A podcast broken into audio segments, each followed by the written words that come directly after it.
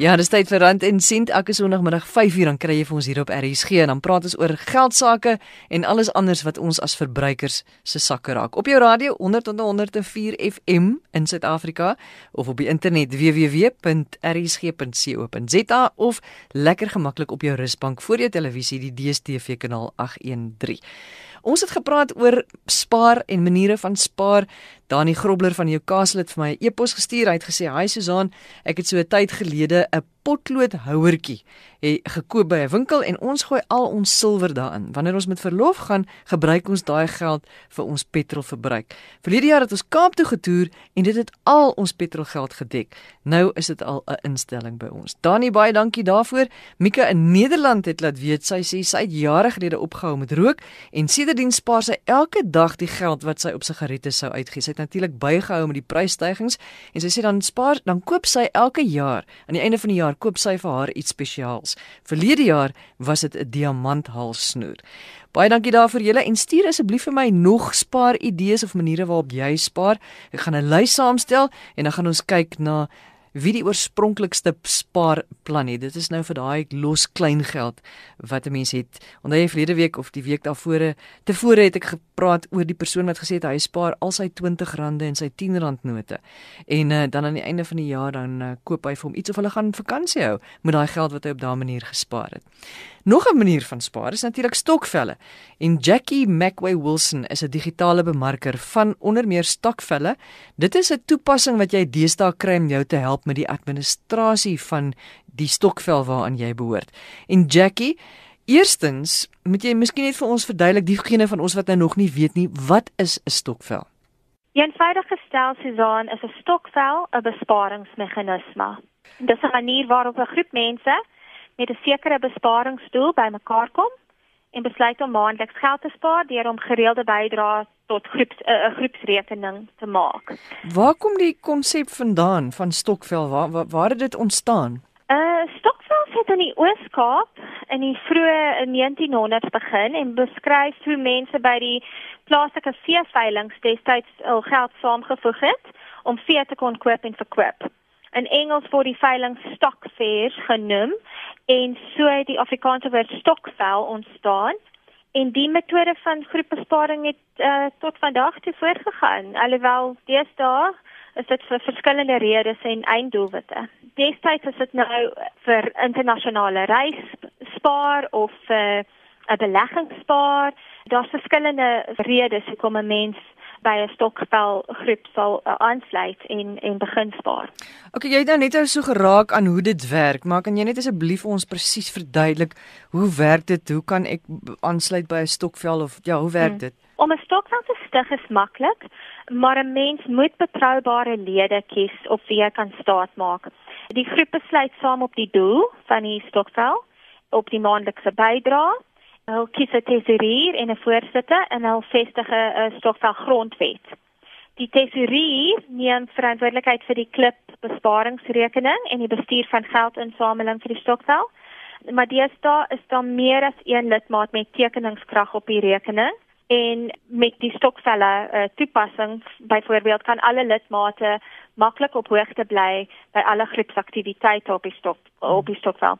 Die vloei van inligting tussen die lidmate op die toepassing verseker dat al die lidmate op hoogte hou by hul geldsaake en dit bou vertroue. En en dis 'n dis 'n baie belangrike deel van 'n stokvel. Vertroue tussen die lidmate is, is noodsaaklik vir 'n suksesvolle stokvel. So enige iemand kan dit begin. Ek kan dit begin met 3 of 4 of 6 van my vriende as ek wil. Enige iemand kan 'n stokvel begin.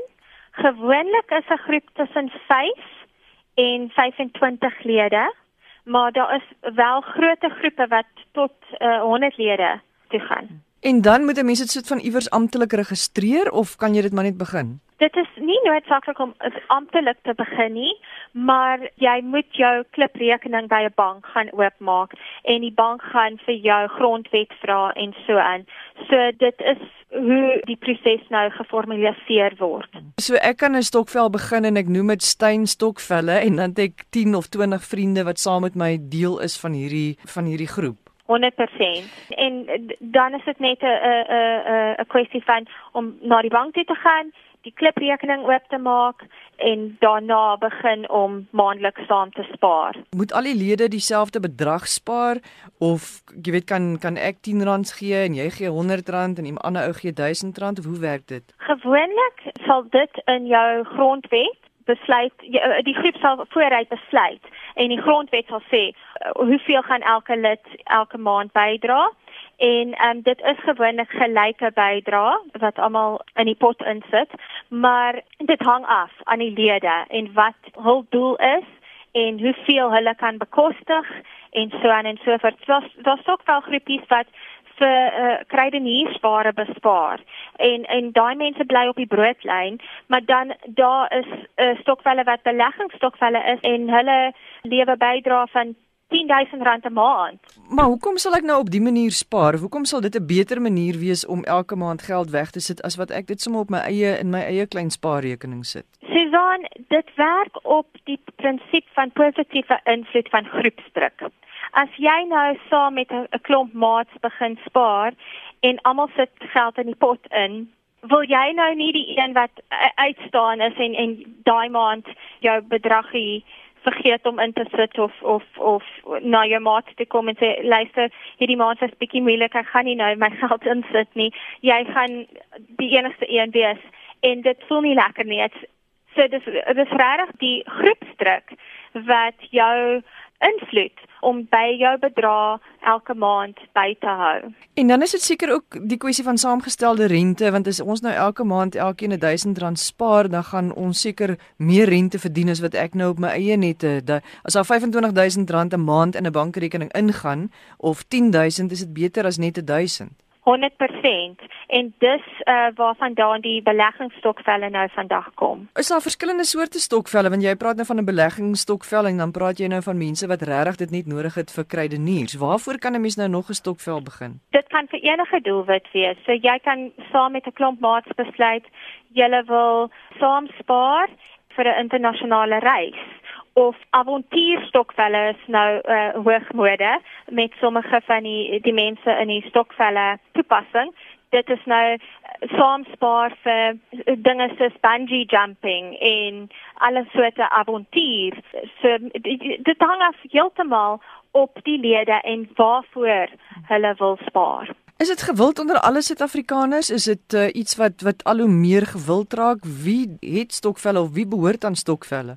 Die gewildste is onder die swart gemeenskap in Suid-Afrika, maar ander rassegroepe maak al raak al meer en meer betrokke daarbey. Byvoorbeeld as 'n mens die hitsmerk stokvel op Instagram deursoek, sal jy agterkom daar's 'n toenemende groep blanke vrouens wat ook in stokvel deelneem. Jy het net al gepraat van 'n toepassing wat daar is wat 'n mens kan aflaai en wat jy kan gebruik om dan so te spaar aan 'n stokvel of deel te neem. Wat behels wat is hierdie toepassing en wat behels dit? Hoe werk dit? Die toepassing is 'n manier waarop stokvellede kan hulle stokvel administrasie beheer of hanteer en daar's eintlik twee weergawe. Die gratis weergawe van stokvelle toepassing soos ek sê dit behels alles oor die administrasie van 'n stokvel. So wie gaan die volgende uh, vergadering bywoon? Wie het geld ingesit? Wie skuld nog? Wie het geld uitgetrek en so aan? Maar dan is daar ook 'n gevorderde weergawe wat uh, vir stokvellede beheer oor die finansiële transaksies gee. Wat is ons nou elke hmm. maand 25 lede belê nou elke maand geld en een maand het ek nou skielik geld nodig. So ek voel ek wil nou graag geld uittrek. Hoe word dit dan beheer of hanteer? Kan ek enige tyd geld trek as ek wil of nie? Gewoonlik nie. Gewoonlik is dit ook in die grondwet uitgelees. Mense byvoorbeeld wat gereeld gebeur is, hulle sal geld insit en hulle maak beurte. So jy gaan op 'n sekere tydperk jou geld kan uittrek en dit gewoonlik een keer 'n jaar, maar soos ek sê dit dit hang weer af van hoeveel lidmate daar in die stokvel is, hoe gereeld en hoeveel hulle insit en wat die doel is. Dit sal dit invloed.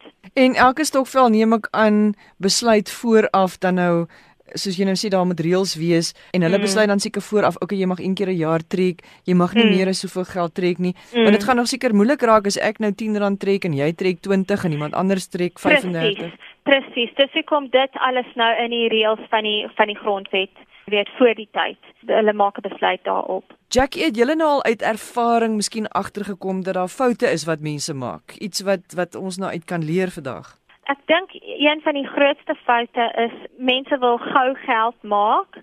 So wat ons gereeld sien gebeur is daar is mense wat by 'n stokvelgroep sal aansluit en hulle ken nie die ander lidmate baie goed nie en daar is nie baie 'n hoë vlak van betroubaarheid tussen die lede en dit is 'n dit is 'n fout. Jy moet die mense wat um, in jou groepie saam met jou is baie goed ken en vertrou want uh, as 'n mens met geld werk en by geld sake kom, is is betroubaarheid ehm um, dis uh, uh krities. So dit is dit is belangrik. Daar is instansies waar die tesourier en die voorsitter byvoorbeeld saam 'n plan maak om mense se geld te steel. So dit kan regtig waar 'n risiko wees as jy nie die mense vertrou en nie vir hulle goed ken nie. Jy praat van die voorsitter en die tesourier, is dit mense wat moet weet van geld sake of is dit nie noodwendig so nie? Dis nie noodwendig Susan, maar natuurlik sal dit net help as hulle 'n bietjie meer verstand in daai opsigte het of 'n bietjie van 'n finansiële agtergrond het, maar ek dink verkieslik moet hulle net baie betroubaar wees en hulle moet die administrasie van die groep goed kan hanteer.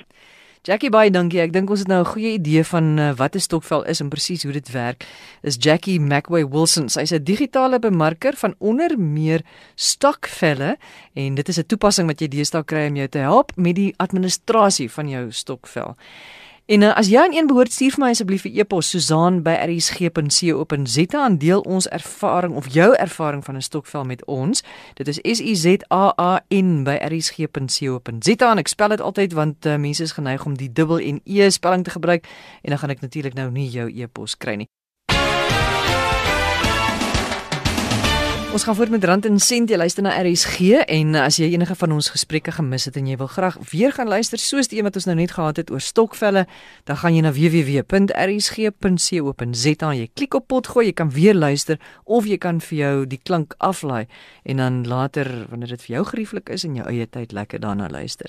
Wouter Fourie is die direkteur van Escor Independent Wealth Managers. Hy is ook voltydse finansiële beplanner en die direkteur van die FPI Finansiële Beplannings Instituut en Wouter was verlede week by ons in die ateljee ons het gepraat oor maniere om jou kind te leer hoe om met geld om te gaan en Wouter vandag praat ons dan nou oor jou testament wat baie belangrik is maar ons kyk dan nou ook oor na al daai rekeninge wat wat word van jou rekeninge wat jy het wanneer jy te sterwe kom Yes, ek dink ons het genoeg tyd om alles te lys vandag nie, maar ek sê dink die goed wat belangrik is, sal ek probeer uitlig vir jou en ek dink nommer 1 is jy moet 'n testament hê. Mens moet 'n geldige testament hê en jy moet 'n opgedateerde testament hê. Nou mens moet nie 'n testament weg so ver wegbere dat jou familie hom ook nie kry as jy die dag nie daar is nie. So in meeste gevalle sal ons aanbeveel dat jy twee testamente teken voor getuies wat nie bevoordeel word uit hierdie testament nie en dat jy een byvoorbeeld by jou prokureur los en een by jou huis. En die rede daarvoor is dat 'n mens as jy tot sterwe kom jou huis brand af en jou testament word vernietig saam met jou, dan het jy ten minste 'n testament by jou prokureur of by jou rekenmeester of jou finansiële beplanner. Dis nommer 1. Nommer 2 is deel ook met jou familie waar jy jou testament sit. Hy sê jy wil graag weet dat hulle toegang het daarvan. En dan derdens moet 'n mens gaan kyk om vir jou 'n boedel indeks op te stel of 'n boedel ons noem dit 'n estate directory soos ons Engels van praat en ons as maatskappy het een opgestel wat kliënte op ons webwerf kan gaan aflaai. En dis 'n omvattende dokument wat jy dan ook jy lys al jou bankbesonderhede, al jou bates, al jou laste, waar al jou dokumentasie is. En dan natuurlik so dan iets wat meeste van ons deesdae by betrokke is, is almal van ons te Facebook rekening of 'n LinkedIn rekening of of 'n Twitter rekening. En al daai goed wat ons by betrokke het, het gewoonlik wagwoorde. Nou, ehm um, hoeveel keer sien ons nie dat iemand tot sterwe kom en dan sien jy by die Facebook rekeningkie bly maar nou nog net daar en hy hou aan en aan en aan. En die, die boedel indeks wat ons gebruik gee vir jou geleentheid om jou Facebook goedjies in te skryf en jou wagwoorde ensovoorts. En dis iets wat jy in potlood doen, elke jaar haal jy hom uit en jy dateer hom op, jy sluit hom in jou kluis toe en jy laat weet weer eens jou familie waar dit is. Die ergste wat ons sien by boedels is waar die man tot sterwe kom. Hy was al die tyd die broodwinner gewees. Hy het altyd vir vroutjie gesê: "Vroutjie lief, moenie bekommerd wees nie. Alles is in hierdie kas." Maar vroutjie lief het nooit gaan kyk wat in hierdie kas is nie. En dan die dag is hy nie meer daar is nie en sy maak hierdie kas oop dan is hy eintlik 'n lot onbruikbare ou dokumente. En dis iets wat ou gereeld moet doen. Nou dood is nie 'n lekker ding om oor te gesels nie, maar dit is ongelukkig een van die realiteite in die lewe. Is dood sal gebeur. Mense weet net nie wanneer nie. So doen jou familie die guns om daai bate wat jy by hulle gelaat het, die liefde ensovoorts te kan deurdra aan die res van hulle lewens deur ordentlik te sorg vir vir boedelbeplanning en om te dokumenteer en te sorg dat hulle weet waar al die dokumentasie is. Dit wat betref 'n begrafnis, jy weet begrafnisse is baie duur. Hoe moet 'n mens voorsiening maak dat daar vir jou begrafnis geld sal wees sodat jou familie nou nie hoef te bekommer nie, want ek meen rekeninge word ons nou gevries die oomblik wat jy wat jy te sterwe kom. Ja, nie heeltemal onmiddellik gevries nie. Mens moet besef daar's 'n proses met 'n uh, uh, wanneer ons 'n boedel hanteer. Ehm um, die belangrike ding met begrafnisbeplanning is die aanstelling van jou eksekuteur is belangrik in jou testament want jou eksekuteur kan al reeds by datum van afsterwe met die begrafnisondernemers gesels en jy kan bystaan en jy kan lei in die proses.